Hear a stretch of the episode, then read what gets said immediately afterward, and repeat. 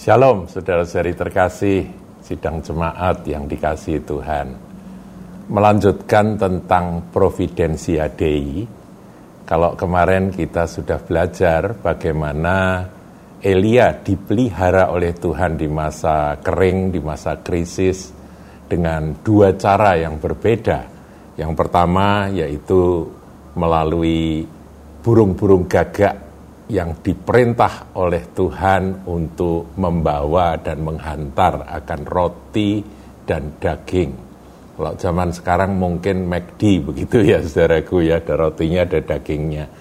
Jadi eh, penyediaan Tuhan itu luar biasa saudara, sampai ada proteinnya juga, ada dagingnya juga. Nah, minum dari sungai Kerit sampai sungai Kerit kering saudara, dan ketika sungai Kerit kering Tuhan bicara, sekarang cara burung gagak akan berubah. Nah, ini kita belajar, saudara, bahwa pemeliharaan Tuhan itu meskipun dalam satu kurun waktu tertentu pakai satu cara, tapi saudara jangan berpikir bahwa Tuhan selalu pakai cara tersebut. Ya, jadi ketika satu cara nanti eh, berhenti atau sudah tidak berlaku lagi karena ya sungainya kering ya. Tuhan akan punya cara lain dan cara lain itu betul-betul di luar ekspektasi kita. Seperti Elia ya jelas dia ekspektasinya kan kalau dia disuruh ke Sarfat ya ketemu seorang janda pasti janda yang punya cadangan eh, gandum apa tepung tepung yang cukup banyak kan begitu ya janda yang cukup kaya tapi ternyata miskinnya itu miskin banget, saudara ya. Sampai dikatakan, ini kami akan buat roti ini, setelah itu kami mati. Artinya sudah tepung terakhir yang ada di tempayan. Dan minyak pun sangat sedikit di dalam buli-buli. Tapi kita lihat, saudaraku, providensia Dei nyata, dan justru Elia bukan saja dipelihara, tetapi oleh kehadiran Elia, keluarga dari janda Sarfat dan putrinya itu dipelihara. Bahkan diberkati Tuhan, yaitu ketika anaknya mati karena sakit, dia dibangkitkan oleh Elia.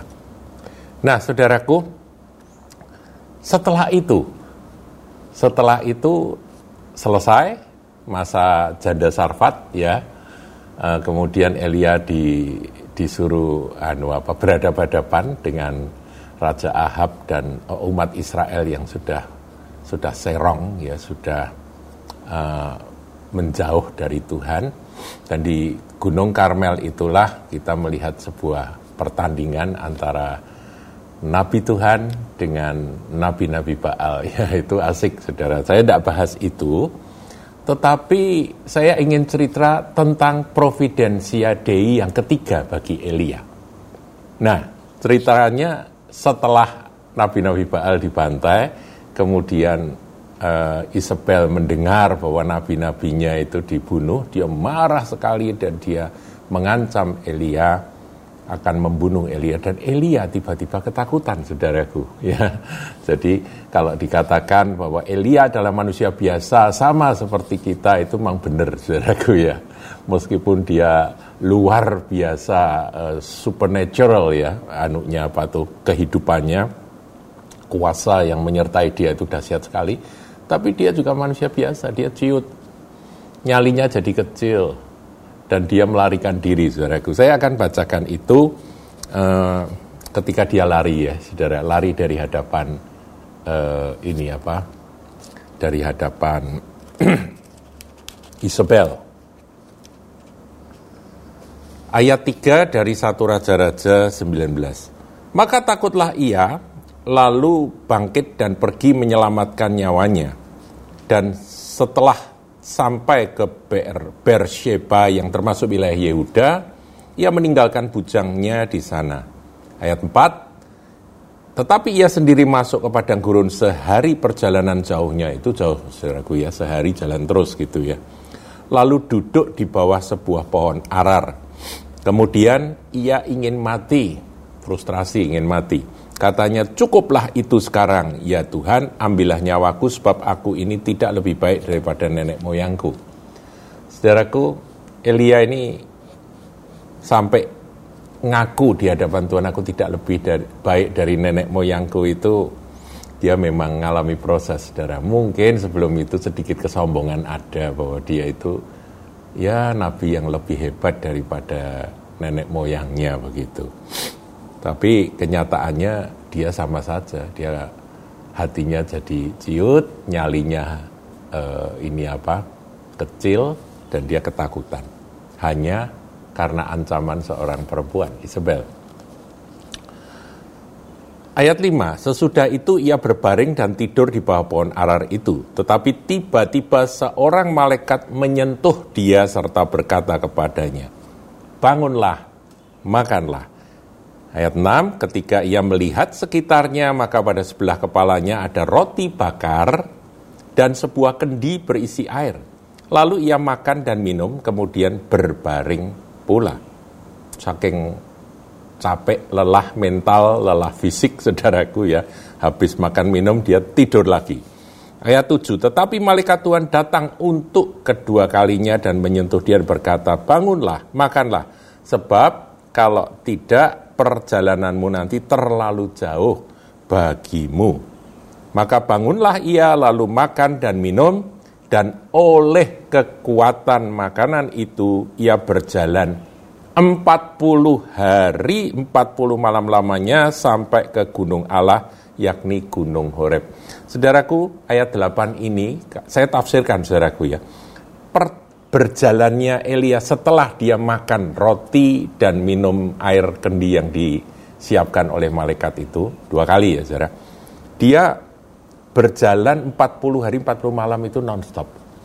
Jadi nggak pakai tidur, nggak pakai makan, nggak pakai minum Sebab dikatakan apa? Ayat 8 kita ulang ya. Maka bangunlah ia lalu makan dan minum dan oleh kekuatan makanan itu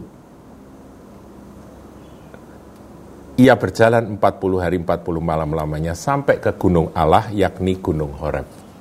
Nah, saudaraku, Providensia Dei kalau e, kisah bagaimana dia dipelihara di tepi Sungai Kerit itu kan kan rotinya itu kan roti-roti entah dari mana yang diangkut dan dibawa oleh burung gagak, ya kan?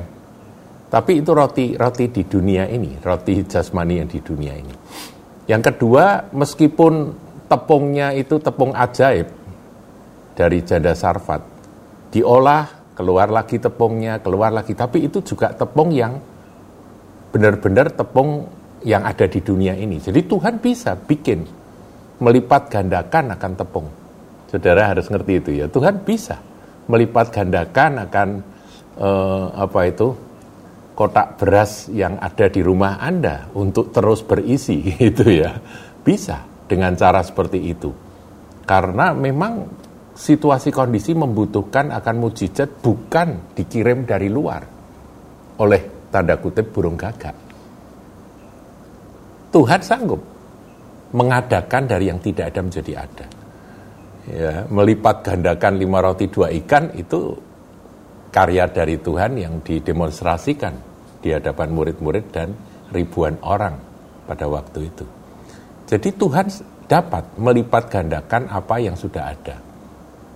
Terus mengadakan atau apa e, tidak akan habis ya. Itu berulang saudara kisah model begitu itu berulang. Nah, kali yang ketiga, ketika perjalanan Elia ke Gunung Horeb, dia dalam kondisi frustrasi, dia dalam kondisi putus asa dan minta mati.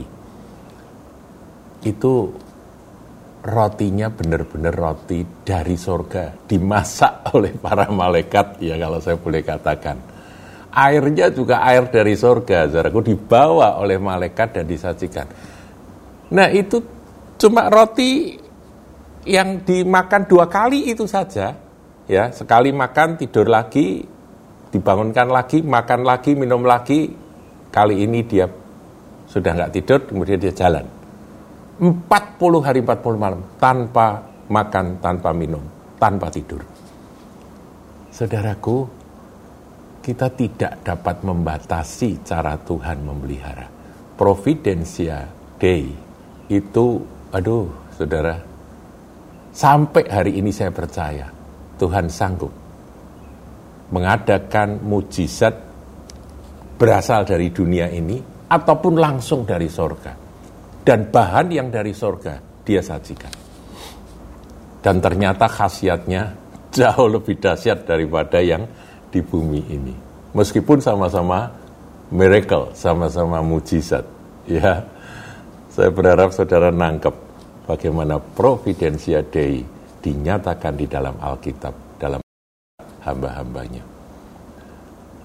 Menghadapi akan situasi yang tidak menentu ke depan, ada inflasi, ada resesi, ada kelangkaan ini, kelangkaan itu. Puji Tuhan Indonesia dampaknya belum terlalu parah, tapi secara finansial pasti terdampak dan itu juga pasti akan menyangkut sektor real. Nah kita harus bergantung sepenuh pada providensia Dei, penyediaan dari Bapa Surgawi. Bapamu yang di surga tahu apa yang engkau butuhkan. Jangan engkau khawatir akan apa pun juga. Tuhan Yesus memberkati.